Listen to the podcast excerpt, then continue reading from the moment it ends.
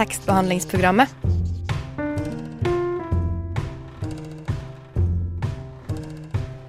Tekstbehandling på radio.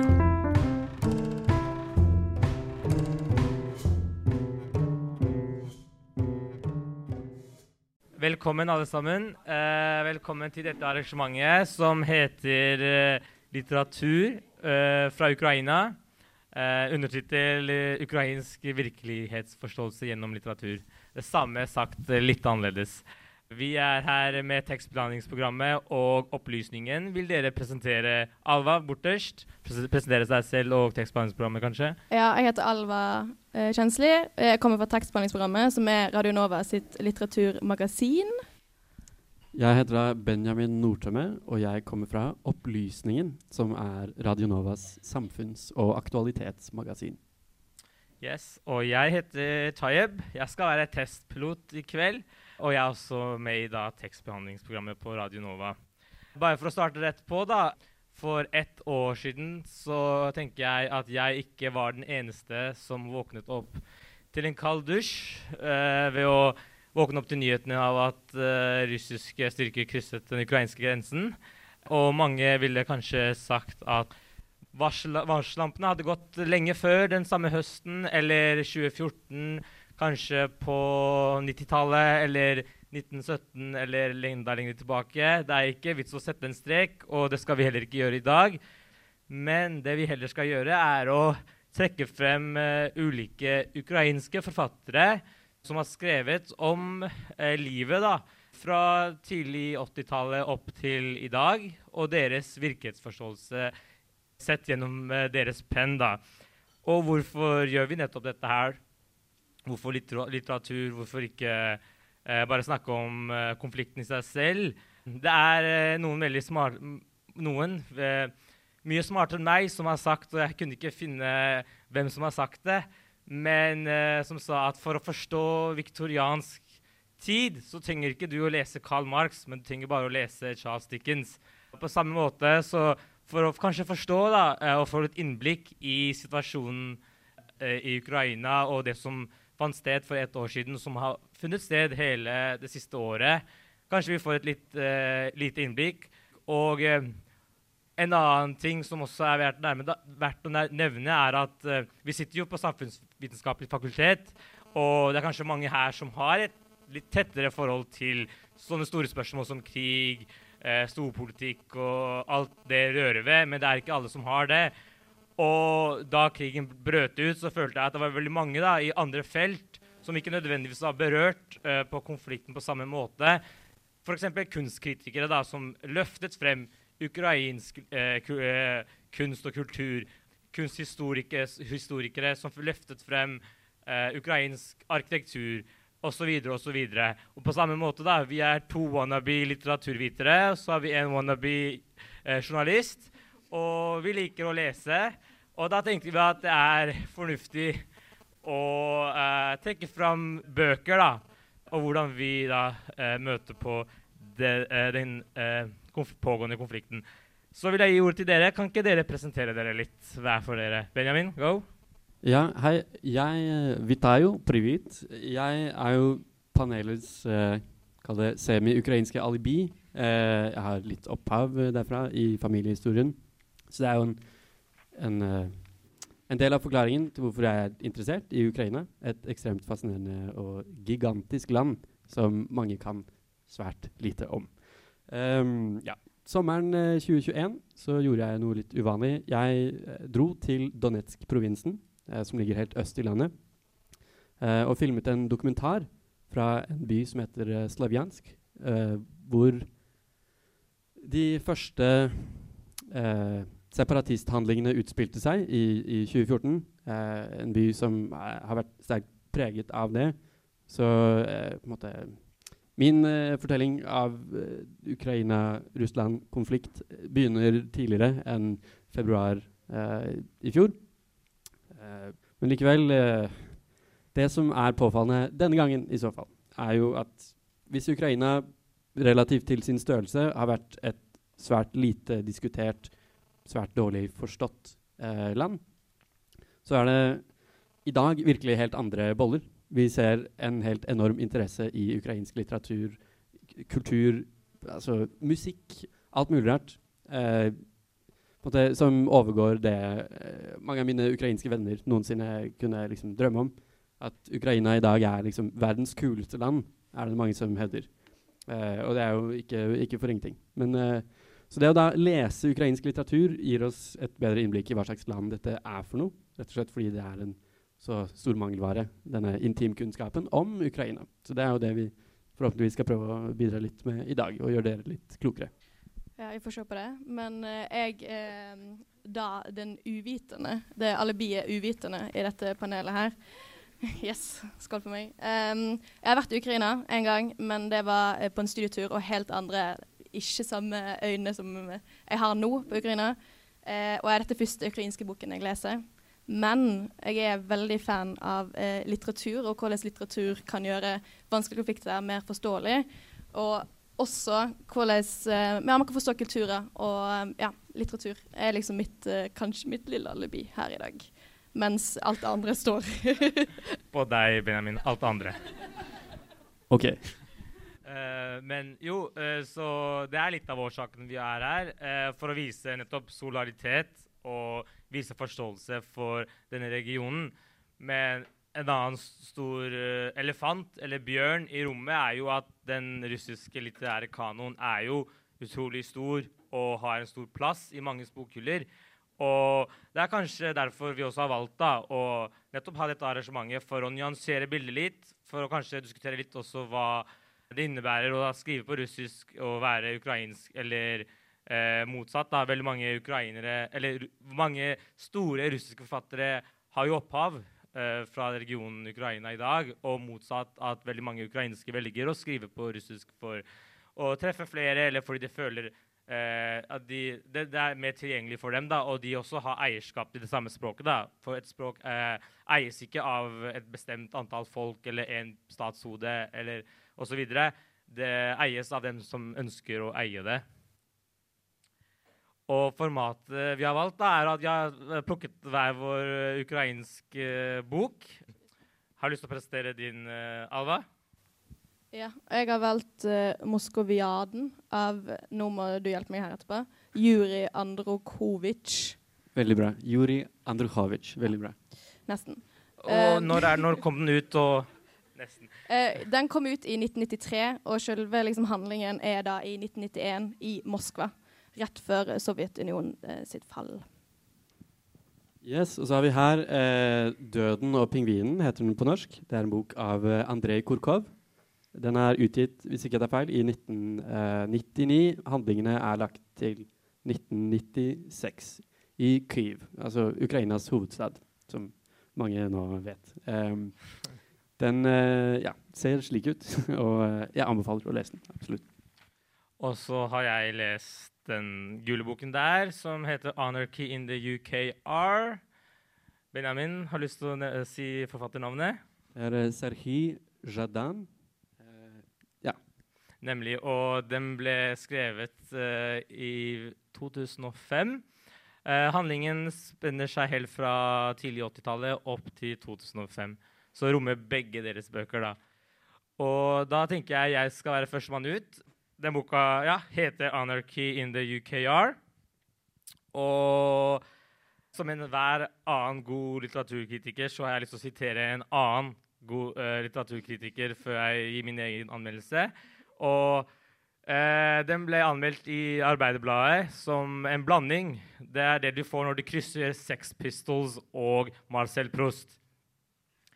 Uh, og legger det til Ukraina. Og det er akkurat det, både i innhold og i format, fordi den er veldig fragmentert. Det er bruddstykker av en oppvekst opp gjennom 80-tallet, oppover frem mot uh, 90-tallet. Uh, og fragmenter av hans erindringer. da. Uh, så det er punk møter erindringen. Det høres ut som en blanding fra helvete. Det er det. Det er vanskelig å henge med, eh, spesielt. Eh, men nå har jeg jo blitt godt, blitt godt kjent med stedene da, som ting finner sted, så jeg kan eh, si, orientere meg bitte litt. Og boken starter med at eh, jeg-personen i nåtid, 2005, eh, er på roadtrip i østlige Ukraina fordi han har sagt ja til å skrive en bok om anarkismen. Sa, eh, eller mer spesifikt anarkis- eh, anarkokommunismen som hadde et lite opphold i Ukraina i 1920-tallet som del av det større russiske revolusjonen, da, før det ble trampet ned av eh, bolsjevismen. Så han kjører rundt der, og da kommer på en måte er, den ene erindringen etter den andre. Han har også vokst opp der selv, må det nevnes da, på 80-tallet. Så når han kjører, samme, han kjører rundt i de samme motorveiene som han satt, som han satt bak i bilen til faren sin selv eh, på 80-tallet, når faren var halvveis full og kjørte rundt og hadde eh, øl i termosen sin. Og han eh, erindrer 80-tallet og kaller det mitt 80-tall, og har et veldig sånn ukritisk blikk.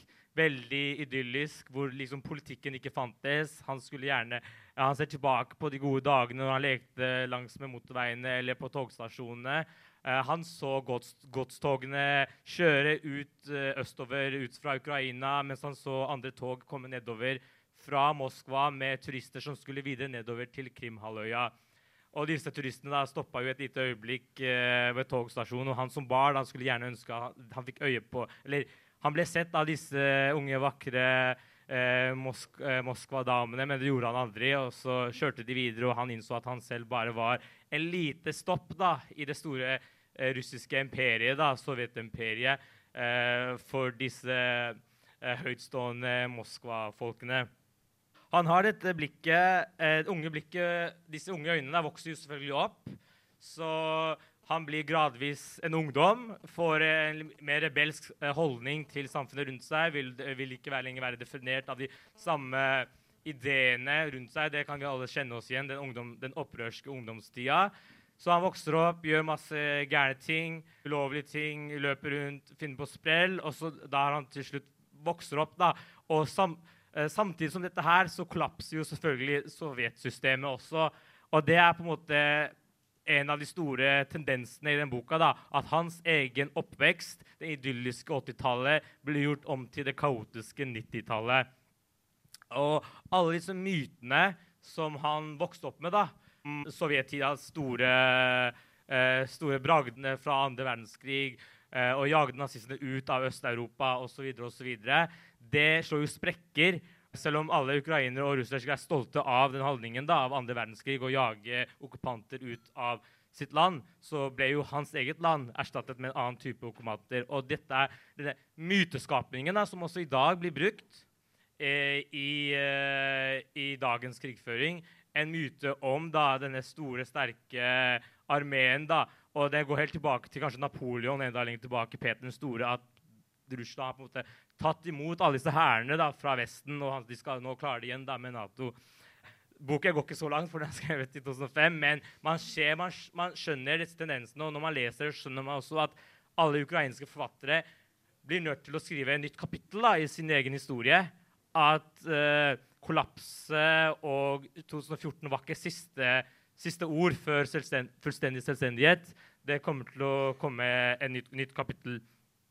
Så disse to tendensene, disse mot, motsetningene med å vokse opp samtidig som eh, din samf samfunnsstruktur kollapser, er eh, hovedlinjene i denne boka. Og nå skal Alva lese opp et sitat hvor han har blitt voksen og da også har blitt litt resignert da, og finner seg kanskje Skjønner hva det vil si å vokse opp, men uten et kollektiv, eh, fel, eh, kollektivt minne, da, rett og slett.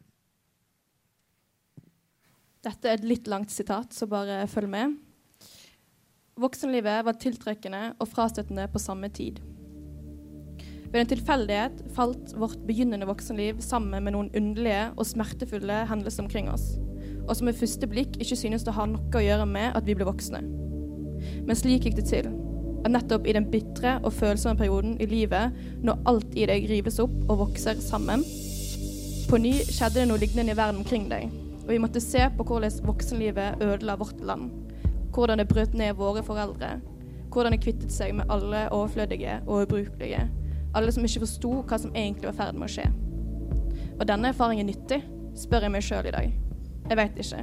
Jeg er ikke sikker. Jeg er i det hele tatt ikke enig i at enhver erfaring er nyttig.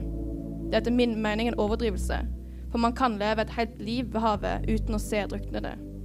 I våre territorialfarvann fløt det imidlertid opp stadig flere lik. Det var det sitatet. Så hva tenker dere? Hvordan tror du det hadde, opp, hvordan tror du det hadde vært å vokse opp eh, i et system da, som ikke eksisterer lenger, eh, og en, på en måte, generasjon som ikke har en felles fortid? Ja, det er jo litt håpløst. Eh, er, jeg merker meg ordet resignasjon. At det er kanskje en følelse mange vil ty til. Eller en, hva da, en modus eh, mange vil ty til. Men eh, jeg syns det var litt interessant Du skummet kanskje litt over det. Du snakket om eh, hans eh, hovedkarakterens måter å gjøre opprør på. Jeg lurer på om du vil utdype liksom, hvordan er det han eh, viser langfingeren til systemet? Hva er det hans modus operandi er der? Ja, det er veldig gøy. For hele den boka, selv om det er i fragmenter, da, så det er på en måte ingen rød linje, men man har visse anekdoter fra barndommen hans, fra eh, oppveksten hans, fra den opprørske tida hans. Og han skriver om at han røyker cannabis under Lenin-statuen, f.eks. Uh, for der er det ingen som kommer. Eller så er det en annen eh, eh, Eller så er det en annen hvor han eh, hopper på rundt eh, på takene til ulike bygninger og river av Det står ikke hvilket flagg. Han river av et flagg og setter på et annet flagg. Og, det, og han har på seg jeans, og jeans, jeansen blir uh, revnet opp underveis, og han sier faen, og hele rekka. Og det er, det er nesten som en Hollywood 80-talls high school-film, hvor det er en liten rebell som ikke vil være Men det bare finner sted i østlige Ukraina. Uh, og det er litt artig, da. Uh, og at det sammenfaller med et, et systemkollaps, synes jeg er gøy. Og en annen ting som også er gøy, er jo at Eller det som jeg synes er fineste, da, er måten barnet da, ser på disse tingene. Fordi barnet på en måte forstår ikke eh, konsekvensene av at oljetankere blir kjørt ut av Ukraina. Men han ser bare disse idylliske togskinnene som går inn i horisonten, hvor det er helt flatt bortover, og det er bare eh, hvetemarker bortover. Rett og slett. For du sier jo at den, at den er litt fragmentert, men jeg bare lurer på, for den går jo fra ung til voksen, sant? I boken. Hvordan er det Nå er det kanskje en liten spoiler, da, men hvordan er det synet hans på slutten? Er det noe Har han noe kollektivminne av Ukraina? Er det noe Det er øh, øh, nokså fragmentert. Det er, boka er anarki i bokform, bundet. uh, fordi selv ikke jeg egentlig skjønner det, og uh, det er um, Jeg syns det er fascin uh, fascinerende. Eh, og måten han Kanskje vi alle, da. Kanskje det er en konsekvens av å bli eldre at du har ikke det samme energien til å endre ting. Og selv om han blir ikke så veldig gammel helt mot slutten, men han bryr seg om helt andre ting plutselig. Eh, drar, eh, selv om han har litt sånn ergrelse for at ukrainere ikke gidder å gjøre ting, for han er på utveksling til Wien f.eks., og der de eh, skal de kutte pensum på et eller annet, og så begynner studentene å løpe ut av universitetene og begynne utafor regjeringskvartalet og, og parlamentene og eh, demonstrere for bitte, i hans øyne en bitte liten ting. Så blir han så sur på alle andre ukrainere som, eh, som ikke orker å gå ut av universitetet engang og bare sitter der og er late. da. Og han, han, har, han har et innblikk eh, ved å være utvekslingsstudent og forstår ikke hvorfor folk ikke orker da, å kjempe for demokratiet sitt eget igjen, men folk kjemper for ingenting i andre land. For, for er det en slags uh, sjalusiaktig følelse? At han, eh, han ser disse østerrikske studentene flekse en, en, en demokratisk muskel som kanskje er svakere stilt i Ukraina, i hvert fall på det tidspunktet. Er det slik å forstå? At han, han er litt eh, Ja. sjalu, men han ser hvordan det gjøres i et annet samfunn nokså nærme, men det er liksom Han ser at det er, her er det et, et gap mellom hvordan de gjør det i Wien, og hvordan de gjør det back home. Ja, ab absolutt. Og det er kanskje Ja, det er litt sånn Fordi han selv har jo vært litt med på den nedbrytingen av kommunismen, men så er det på en måte ingen som vil ta neste stafettpinnen, da. Og boka mi rommer jo på en måte begge deres bøker, da. Så vi kan jo nesten hoppe over til eh, din bok, som på en måte handler om det Hvis boka mi da handler mest om det rolige 80-tallet, da, til kollapsen, så handler din hovedsakelig om det gale 90-tallet. Ja, det er en eh, ganske sømløs overgang. Eh, jeg kunne ikke gjort det bedre selv. Eh, ja. 'Døden og pingvinen' heter da denne boken. Eh, ser dere her. Eh, for en tittel det er. Eh, I det hele tatt handler denne boken her om 90-tallet. 90-tallet i Ukraina er selvstendighet. Ok? Det betyr Sovjetunionen har kollapset. Verden slik folk så den, har egentlig sluttet å gi mening. Ok? Så folk har vokst opp med virkelig sterke uh, fortellinger om andre verdenskrig, kommunisme, hva som forener alle sammen. Det bare latt seg som at vi er sovjetiske borgere alle sammen. ok? Vi er innforstått med disse tingene. Alt det nå sa, kast ut av vinduet. Det gir ingen mening lenger. Ok. Eh, boken er skrevet i 1996. Det vil si, det er litt ute i 90-tallet, så det er allerede et par prosesser og ting som har pågått, og kjører og turer og går. Eh, og handlingen er da lagt til Kyiv og Kharkiv, Ukrainas største by og nest største by. Så urban kontekst. Um, det er da satiriske litt Det er forbudt å bruke dette ordet, men kafkaesk. Eh, det er litt kafkaeske skildringer av den postsovjetiske virkeligheten. Men hva, hva betyr kafkaesk? Kan du utdype det? Eh, Kafka eh, var jo da en eh, surrealistisk forfatter, vil man kalle ham. Eh, Tsjekkisk. også da en, noe, man, noe, man, må lese. Står på alle sånn Greatest literature of all time-lister osv. Eh, dette, er dette er jo noe som kan minne om Kafka i måten han håndterer måte, surreal, altså virkelig surrealistiske ja, Surreelle eh, problemstillinger, rett og slett, i, gjennom hele denne boken. Nok om det. I det hele tatt er det en vanskelig og utrolig definerende tid. Hva? Så eh, vi skal lese at Vi skal høre eh, Forhåpentligvis kommer jeg til det. Russland og Ukraina har på den tiden de samme problemene, pretty much. Altså, okay, det er kollaps. Men de kommer ut av krisen på to vidt forskjellige måter. Så vi følger da Viktor. Eh, kan se for deg at det er en av de skikkelsene der oppe, en av de silhuettene.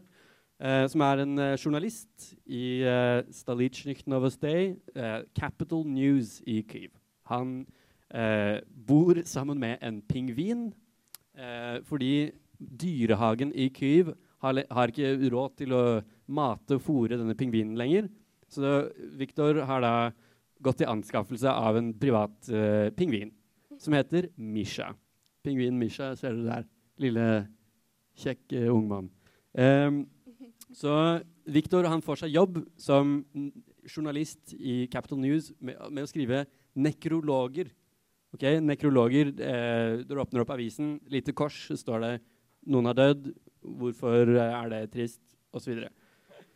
Um, så han sitter eh, og, og intervjuer folk. Eh, da, en eh, parlamentariker som eh, heter eh, Jakornitski. Eh, de deler eh, samtaler en, over en flaske Finlandia-vodka og snakker om alt mellom himmel og jord. Og så skal jeg lese et lite sitat eh, som er måte, relevant. Jeg valg, valgte å fortelle. Um, det er da på engelsk, så håper dere kan engelsk. Um, Before boarding the bus, he had bought the latest Capital News, and having secured a comfortable seat, he opened it out and scanned the headlines, coming at last to a rectangle of text set high on the page and framed heavily in black. Writer and State Deputy Alexander Yakornitsky is no longer with us. In the third row of the chamber, a leather seat stands empty, to be occupied before long by another but in the hearts of many who knew Alexander Yakornitsky, there will be a sense of emptiness, of profound loss. Det Viktor er i ferd med å oppdage, er at alle de han skriver nekrologer om, de dør rett etter han har skrevet nekrologer om dem. Uh, det er jo da mistenkelig uh, med stor M. Uh, Viktors økonomiske situasjon er veldig god. Dollarene flyter, han har uh, ikke noe problem med å kjøpe fisk til Misha, pingvinen. Det går helt fint. Men Viktor har egentlig forvillet seg inn i et kriminelt syndikat. Eh, disse nekrologene er egentlig ment for å sånn smoothe over drap. Okay? Så det er korrupte mennesker som bestiller drap på andre korrupte mennesker. Eh, og da ønsker å pakke det pent opp og inn i en eh, nekrolog i, i landets uh, største avis. Gangsters kan man gjerne kalle dem. Gangsters. Det er det, det lovløse 90-tallet vi snakker om. Så samfunnet sliter med å opprettholde lov og orden i Ukraina.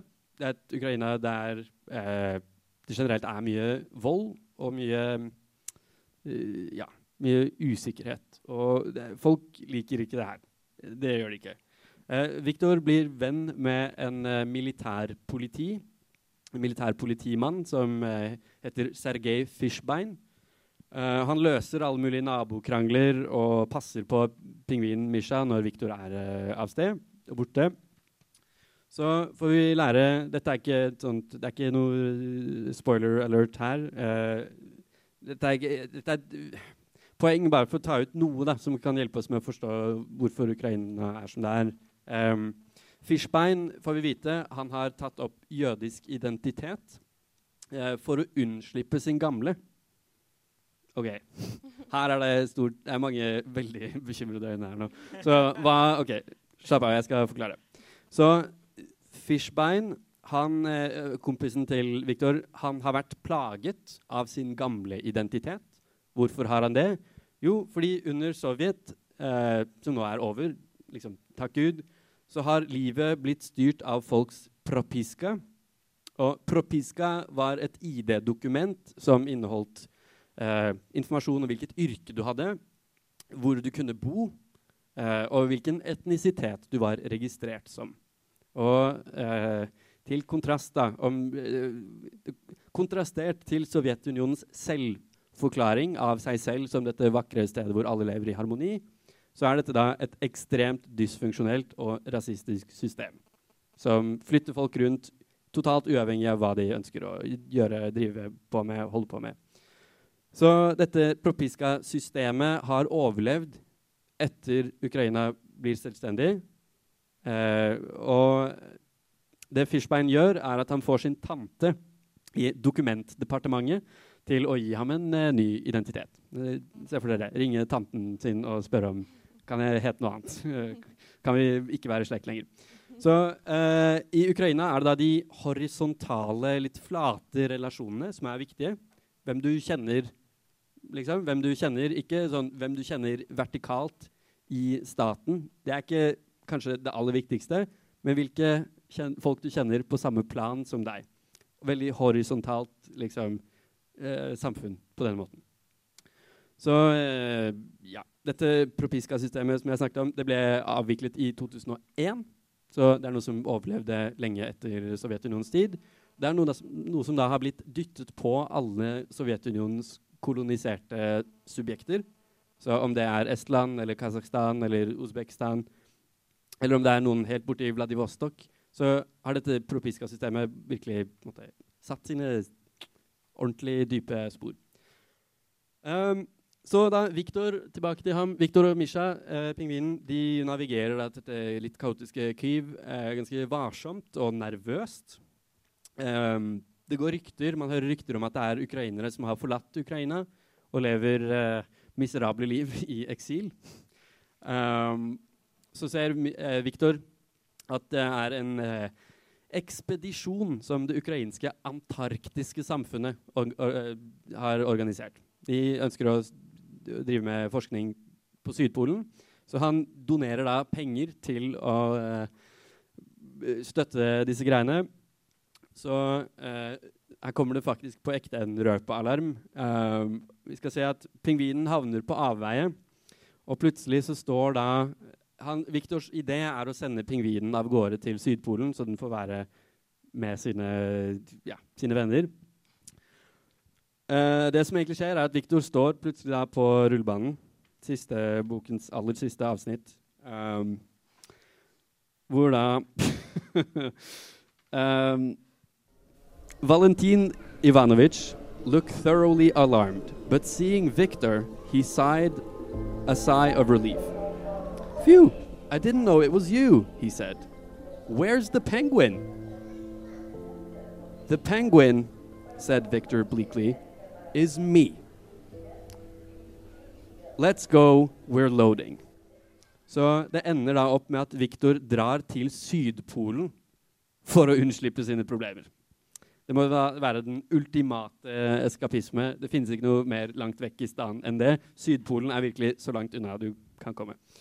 Og det er mange mennesker i denne boken som eh, ikke nødvendigvis ønsker seg vekk like dramatisk som det Victor gjør, men de ønsker seg noe, og de vet ikke helt hva det er for noe. Fordi ikke sant, Sovjetunionen har kollapset. Ting gir generelt lite mening. Men hva skal man erstatte det med? Hva er det som virkelig kan fylle det tomrommet?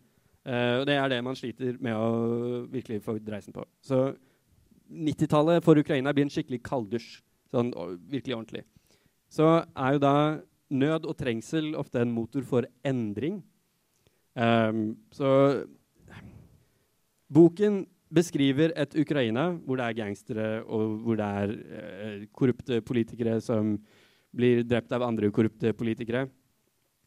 Jeg har ikke tenkt å si at det er et Ukraina som totalt ikke uh, har noen spor igjen. Men det er i grove trekk et Ukraina som ikke finnes lenger. Så det her er et snapshot. Det er liksom en, en, virkelig viktig historisk liten epoke som er et slags sted mellom ikke bare på tidslinja, men sånn mellom det moderne Ukraina og Sovjet-Ukraina. Okay? Så her er vi liksom i en sånn mellomfase, et viktig sted hvor um, ja, hvor, uh, hvor, det er det som, det som, beskriver, ja, det er det som beskrives i denne boken. i hvert fall. Jeg har et spørsmål. Uh, jeg har mange spørsmål, men jeg har ett. Og det er dette her med noe å si, Propisjka-systemet. Mm. For du sa at det var viktig for å forklare For å forstå liksom, Ukraina-situasjonen. Kan du bare eh, Hvorfor det? Det er jevnt over bare Jeg tok det frem bare som et lite symbol da, på hvordan sovjetisk autoritet har begrenset folks eh, personlige frihet. Det er noe da mange kommer til å lære langsomt eller hurtig. Eh, at det er en arv man ønsker å forkaste. At mm, det som egentlig er eh, Hva skal vi si Jeg nevnte Før jeg begynte å snakke om denne boken, så nevnte jeg at Ukraina og Russland løser 90-tallets problemer på ulike måter. Ok. Måten det løses på i Ukraina, er at et mangfoldig og tolerant sivilsamfunn, veldig horisontalt, det er ikke liksom denne maktvertikalen som man ser i Russland, som velger å kaste, omrokere og reformere staten gang på gang på gang på gang. Så er det som er Ukrainas historie fra 90-tallet til i dag. 2004 oransjerevolusjonen. 2014 Maidan. Og i dag er det liksom Alt i dag er en forlengelse av disse tingene. Man, man vil ikke ha en sterk autoritær uh, stat. Alt som, er, alt som kan minne om Sovjet, forkastes fullstendig. Alt som kan innskrenke menneskers personlige frihet til å leve som de vil, forkaster man. Det er stemplet som russisk eller sovjetisk. Sånn forstås det i Ukraina. Dette kaotiske landskapet da, som uh, Ukraina befinner seg i da, i boken din, uh, er det samme landskapet som befinner seg i boka til uh, Alva, men fra et veldig kanskje upålitelig og personlig til tiders litt for mye perspektiv. Så vær så god, Alva, hva har du lest? Takk for en nydelig introduksjon. Um, jo, jo, som sagt, denne boken her, 'Moskvodiaden', har jeg lest. Og den plasserer seg jo i 1991 i Moskva, da. så det er ikke i Ukraina i det hele tatt, men det er fra en ukrainsk forfatter som skriver det, og en ukrainsk fortellerstemme. Men denne boken her er kaotisk, den også, som egentlig de Anarchy og jeg føler også Pingvinen kan være litt mer sånn Kanskje litt kaotisk. Og fortelleren her er Otto von F, heter han. Det er en forfatterspire og en poet Eh, og vi følger liksom denne forfatteren her gjennom et helt døgn i Moskva. Um, samtidig som han gir tilbakeblikk på både russisk og ukrainsk historie. Da. Og hele, altså Otto von F sin eneste plan denne dagen her egentlig er å dra til en leketøybutikk eh, for å kjøpe noen leker til sine venner. Det eh, skjer jo ikke, eller det skjer, men det skjer veldig, veldig mye annet før han kommer seg dit. Eh, han blir kastet inn i ekstremt mange absurde og farlige situasjoner. Eh, som jeg skal ikke nevne alle, for dere bør lese de. Eh, det, ja, det forteller kunst på høyt nivå, for å si det sånn. Og det er mye, det er mye ord og mye uttrykk og mye Ja. Um, og til slutt så ender han opp i det underjordiske metrosystemet, um, som er da bevokta av KGB. Og han blir tatt til avhør der, uh, kommer seg unna mirakuløst vis, um, og havner da, helt til slutten i boken, på en kongress hvor Russland sin elite diskuterer gjenoppbyggingen av imperiet basert på nasjonale eh, russiske verdier. Dette er liksom en handling Denne varer på 180 sider, og her skjer det veldig veldig mye på 180 sider. Samtidig så er denne karakteren her ekstremt upålitelig. Det er veldig Han drikker ekstremt mye. Eh, han har veldig eh, apatisk, selvopptatt, en likegyldig og ironisk distanse til alt som skjer til han. Um, kanskje litt sånn som Kamu i eh, Eller 'Fremmede' i Kami, hvis noen har lest den. Kanskje litt sånn um, og samt, ja, eh, Samtidig så kanskje litt mer sånn overordna så beskrives denne boken et veldig mørkt, svartmalt Moskva som er under totalt kollaps. Og det føler jeg alltid er under kollaps i disse tre bøkene. Um, og uten tilgang på øl eller vodka, eh, som gjør folk gale, ifølge hovedkarakteren, og gjør at hele imperiet eh, faller sammen. Og det er på en måte Otto von F sin eh, idé da, at pga. at folk ikke får tak i øl, så faller imperiet sammen. Og jeg tenkte jeg skulle lese et lite sitat der han tenker over dette her rett før han går inn i ølhallen og blir veldig, veldig full. Som han er gjennom hele boken. Han drikker ekstremt mye. Jeg skjønner ikke hvordan han klarer å overleve. I sin tid lærte du at det romenske imperiet styrter i trefninger mellom slaver og landarbeidere. Dette imperiet vil styrte under presset fra drankerne. En dag kommer de til å gå ut på Den røde plass, kreve øl og gå mot Kreml. De vil bli skutt, men kulene vil prelle av på de spritimpregnerte, uomtrengelige brystene deres. De vil feie alt til side. Og så hopper vi litt videre. Derfor bør imperiet i tide sørge for sine drankere. Ikke kjempe mot liberalismen og nasjonalismens vindmøller. Ikke jakte på religiøsitetens hekser eller menneskerettighetens spøkelser, men bare dette ene. Ha omsorg for sine trofaste drankere. Men imperiet har forrådt sine drankere og dømt seg selv til oppløsning. Så det er en nydelig forklaring på Sovjetunionen sin fall. Um, og du har kanskje noe å kommentere der, Benjamin? Ja, jeg lurte på om eh, Det som kanskje er hjelpefullt eh, med dette sitatet, det som hjelper oss litt med å forstå eh, kollaps, Sovjets kollaps Hvis vi kan la øl da i dette eksempelet stå inne for alle mulige materielle mangler okay, Så i Sovjetunionen så har samfunnet fungert slik at det finnes et lite byrå som heter Gosplan, som hvert år har estimert hvor mange sokker, støvler, eh, kassaapparater, hvor mye strøm Altså Man har forsøkt å spå i et lite økonomisk byrå hvor mye man trenger av alt mulig rart. Og hvert eneste år har de tatt feil. Year on year on year on year on year. Så på slutten av 80-tallet så er det da mangel på alt, inkludert av øl. Folk står fire timer i kø for å få tak i en brødskalk og litt smør, og kanskje de har melk, hvis du er heldig. Så det er jo det, denne mangelen. da. Brød og sirkus er jo et uttrykk vi gjerne hører om. sånn, Holde folk eh, content. Hvis ikke du har Kanskje du har brød, hvis ikke du har sirkus, hvis ikke du har øl. da. Eller vodka, altså. Eh, Eller vodka. Ja. Hva sier det om samfunnet? Hvor er man på vei hen, da? Det vodka og uh, Svanesjøen. Eh, eksakt. Eh, Men eh, jeg synes jeg ser fellestrekk først og fremst. Alle Det er kanskje sier mer om uh, forfatterne sine ego, da, men alle karakterene her er jo forfatterspirer, journalister eller noe lignende. Uh, men jeg syns også at det er god dose humor og også surrealisme.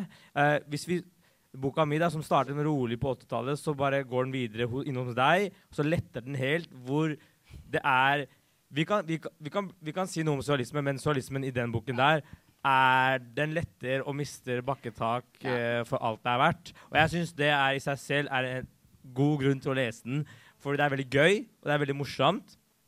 Og jeg vil også nevne at uh, jeg nevner en annen kjent uh, litteraturkritiker som har anmeldt den. Og den vedkommende kaller boka for en vodka-marinert surrealisme fra vodka Nei, fra Moskva. uh, ja, ja, ja. Jeg trenger, jeg trenger litt uh, påfyll. Men, uh, eh, men hva, hva, hvilken fellestrekk er det dere føler dere ser i disse bøkene? Jeg syns jeg ser ehm, hmm. Jeg syns jeg ser forsøk på å prøve å deale med en eller annen sånn litt ekstern Tungtveiende, stor, heavy greie. Som er eh, kollaps, da, egentlig. Eller liksom tap av noe. Kanskje man ikke har vært superinvestert i den originale ideen in the first place. I Ukrainas uh, tilfelle, i disse ukrainske forfatternes tilfelle. At man må uh, uh, Man må kanskje Kanskje det er det man ser da, og lærer i, i disse bøkene, er at her finnes det ulike måter å deale med oh, disse store, eksterne, kjipe tingene. Det er jo kjipt. Det er jo dritkjipt at du plutselig, som en helt å, vanlig journalist, plutselig skriver nekrologer, og da innser at disse nekrologene er egentlig sånn Å ja, de brukes i et kriminelt syndikat som skal forsøke å ta livet av de, og så er det de, og så er det de. Altså, livet er skikkelig ikke bra. Og det blir jo da en motor for endring. Er liksom eh, det, det jeg prøver å formidle så godt jeg kan eh, på min krøkete lille måte. Men jeg vil også bare eh, fremheve at det finnes noe godt i disse bøkene også, og det er humor. Det er ekstremt mye humor, og det er et språk jeg faktisk ikke har lest noe lignende på. Eh, og språklig bilde og eh, bare setninger og fortellerstemme og fortellermåte som jeg, jeg tror det gjelder alle tre bøkene, som er veldig tilstedeværende. Og det sier noe også om den kulturen, kan jeg tenke meg. Eh, samtidig som jeg, jeg hadde lyst til å ta ut et sitat av boken. for å være sånn, ok, dette her er veldig morsomt, jeg må lese dette her. Men det er også umulig, fordi det er som å bare se en bitte liten bit av f.eks. The Office, så forstår du ikke humoren der. Du må følge med hele boken. Så det, ja. um, det er noe positivt. Selv om det er kaos og kollaps, så er det en humor og en ironisk tilnærmelse, et satirisk blikk på noe. Jeg, jeg blir selv veldig overraska, fordi det eneste jeg har å sammenligne med, er jo russisk litteratur, og da er det gammelrussisk, ikke sant? Eh, og dette er jo mitt første møte. Jeg har både lest Alva sin bok og Den gule som ligger der.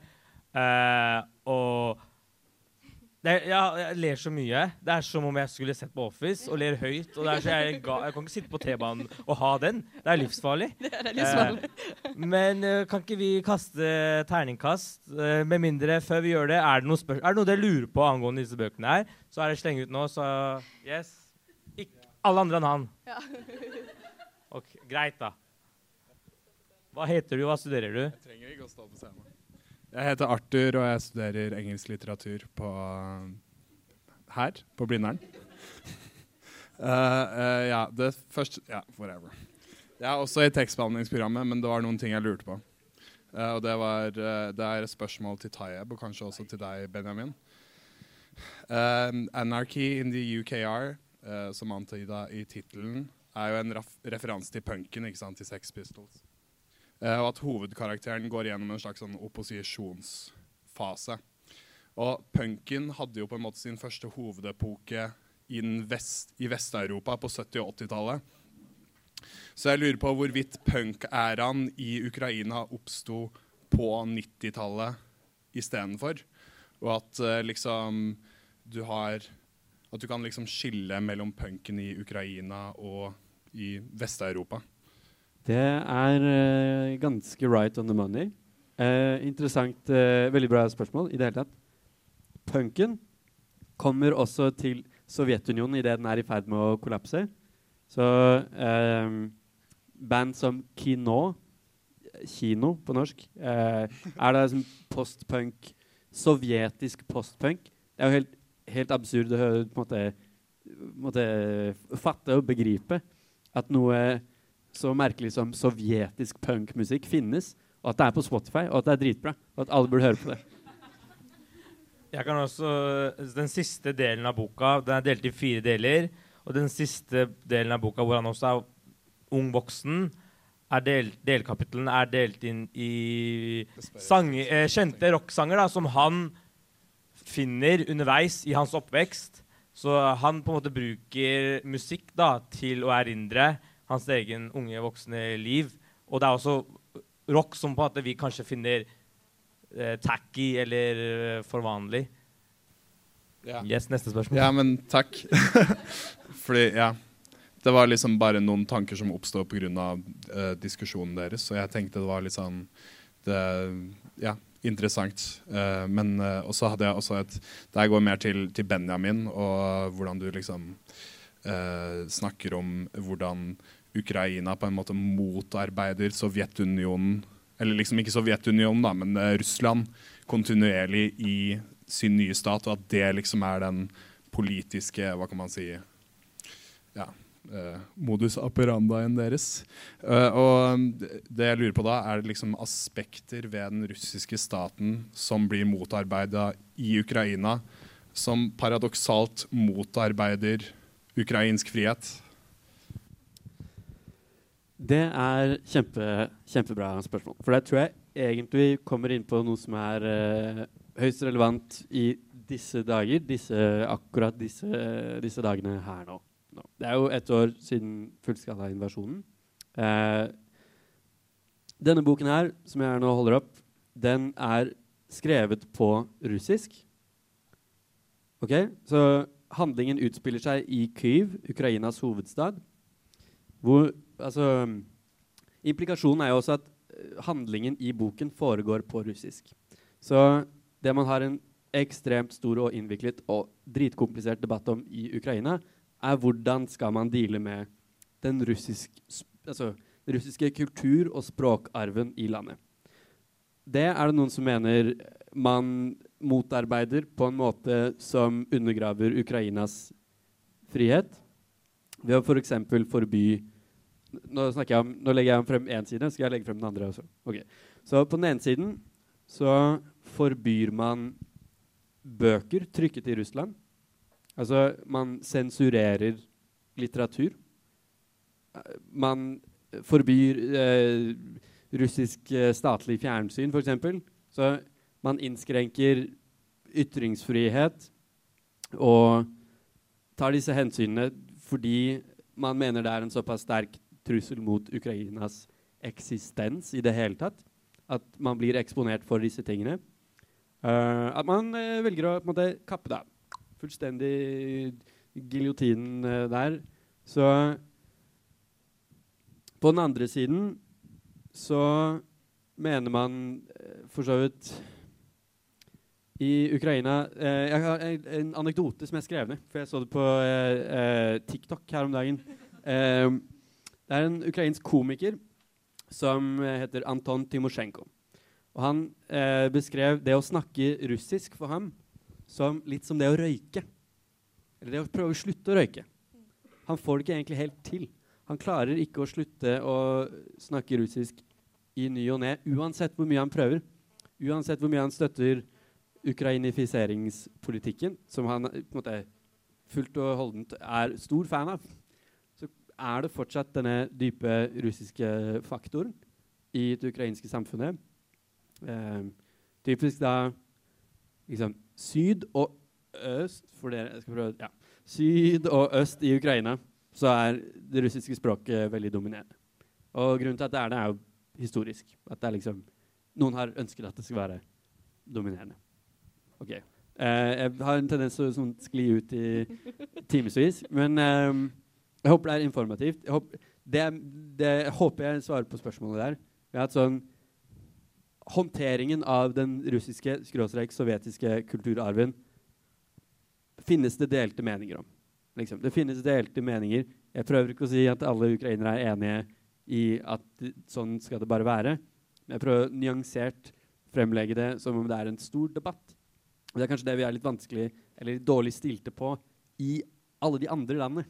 Til å egentlig virkelig forstå. Fordi vi ikke forstår Ukraina spesielt godt.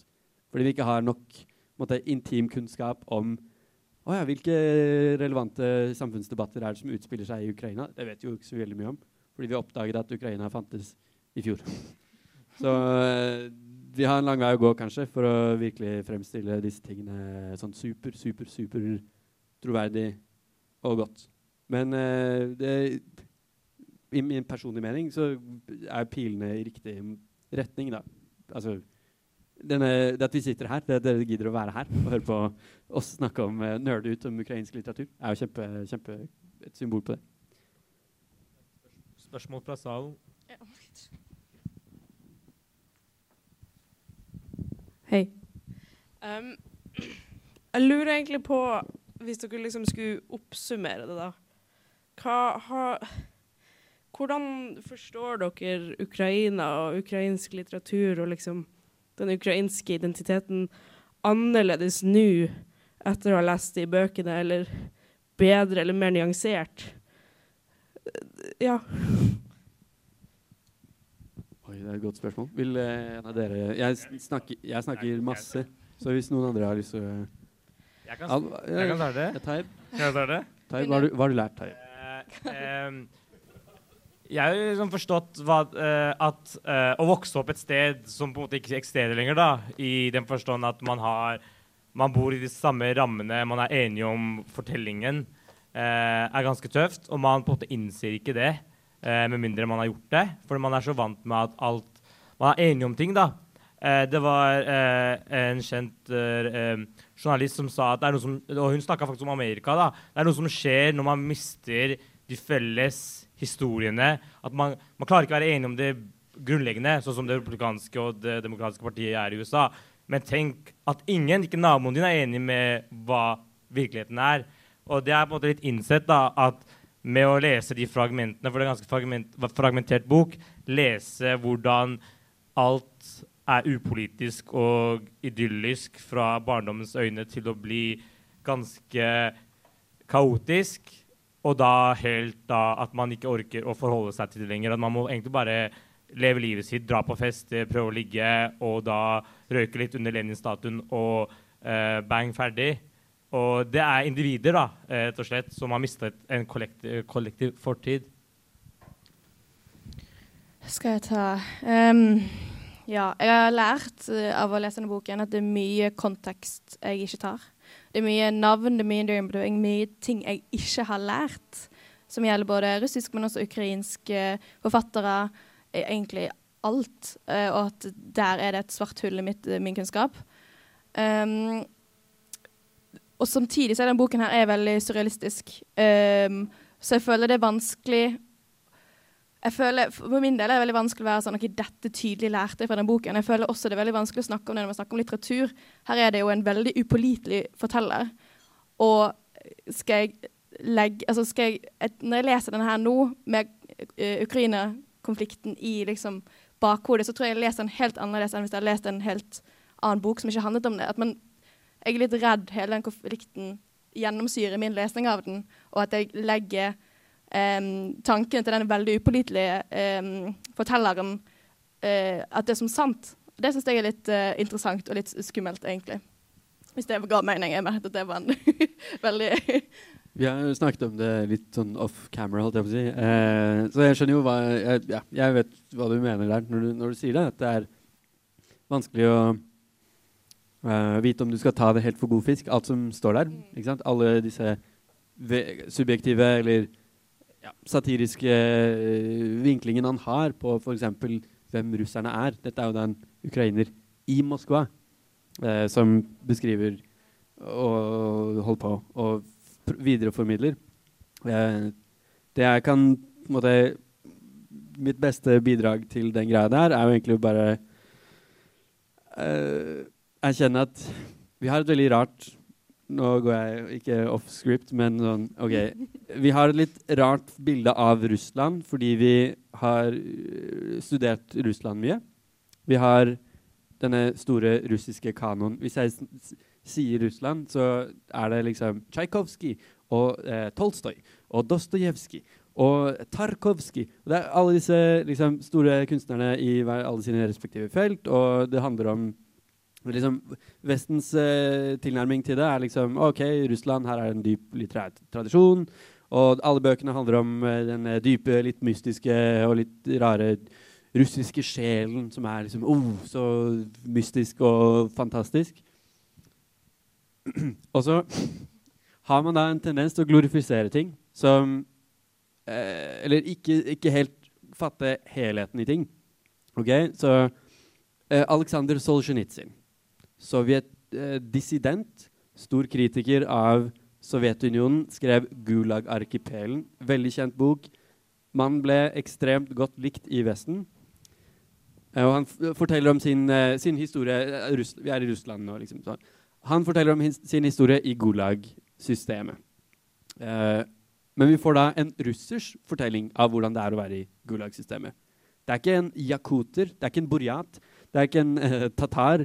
Det er ikke noen av de russiske etniske minoritetenes virkelig mye veldig verre opplevelser vi blir servert. Vi får heller ikke egentlig utdypet noe særlig sånn hvordan selv mange tilsynelatende ganske liksom, interessante, kule folk i Russland også dessverre har imperialistiske eller halvkoloniale, halvbakte ideer om at de også tilhører en stor kultur som gjerne kan måtte, invadere, invadere og valse over andre land helt uten problemer. At Kasakhstan må være kjempeglad for at Russland er til, fordi de ga dem industrialisering. Og eh, ja, var, så var det det der da, med 40% av den kasakiske befolkningen som døde under liksom, kollektiviseringen. Det er det ingen som snakker om i Russland at all. Så det er veldig rart at vi eh, Vi er nå plutselig veldig mye bedre stilt til å forstå den, de koloniserte sidene av det russiske sovjetiske imperiet. Sånn, vi gatekeeper kanskje til og med litt kolonibegrepet, fordi det er liksom vi vestlige som har gjort det. Det er ha et hav mellom oss og kolonien der borte som vi har gjort fæle ting. Liksom, det er sånn vi tenker på imperialisme og kolonialisme. Men med en gang det skjer i Øst-Europa eller det skjer i Sentral-Asia, så er det sånn så langt unna at vi Jeg vet ikke helt hva det er for noe. Det er sikkert noe fælt, men la oss ikke hoppe inn i det. Sorry, lang monolog. Eh, ja. Problematiske sider ved russisk litteratur og ting man fremhever derfra. Ikke alt, men noe. Absolutt. Jeg tror bare et poeng til, eller kanskje det poenget jeg egentlig prøvde å si i stad. Um, um, at dette er den eneste boken jeg har lest av en ukrainsk forfatter. Jeg kan ikke la det definere ukrainsk litteratur for meg. Og vi trenger da å lese mange flere. At man kanskje glemmer litt sånn ok, nå har jeg lest én, og jeg forstått situasjonen, men det er ikke sånn det funker. I hvert fall ikke når det gjelder litteratur. Man trenger mange forskjellige perspektiv, mange forskjellige fortellinger. Gjerne et kvinnelig blikk, for denne her er ekstremt mannsdominerende. Det er en helt annen diskusjon. Um, men det var kanskje det poenget. Sånn, det er vanskelig å uh, ja, definere ukrainsk litteratur ut fra disse tre bøkene. Det går ikke. Nei, men uh, det prøver vi ikke heller. ikke, Men kanskje vi prøver å se et blikk. Et av mange ulike blikk. Uh, jeg syns det var veldig gode svar fra be begge dere. Og jeg syns også interessant du sa, Benjamin, at uh, de største sovjetkritikerne fra Russland endte, må, endte, opp med å bli de største Putin-sporterne etter murens fall. Så Vesten hyllet dem i det øyeblikket, og så viste de seg at de var fascister helt innerst inne. Og apropos den boka der synes, ja, Det er mye upålitelig også. I alle våre bøker er det man kan jo på en måte, Det er jo sånn fiksjon fungerer. Eh, men man kan også da også tenke seg at eh, det er ikke nødvendigvis eh, et poeng at hvis det er sant eller ikke, men at ting kanskje kunne ha funnet sted. da, At det er en viss sannhet, en viss, um, viss humør, viss miljø som på en måte er, var til stede fra 80 opp til 90-tallet i eh, Ukraina og Moskva som de prøver å beskrive, da, og som kanskje vi har et sitat på Alva. Bra. Kanskje, kanskje. Um, den gang så jeg bare de hvite bokstavene på faen Rødes bomullstøy. Og dette var et bilde jeg hadde i det store og det hele likte. Det lå lite ideologi i dette. Jeg innser helt og holdent at fargeskalaen og komposisjonen i 80-tallets Leve det kommunistiske parti likner 90-tallets Always Coca-Cola. Hver og en finner sin egen patos. Den som ikke gjør det, dør av depresjon.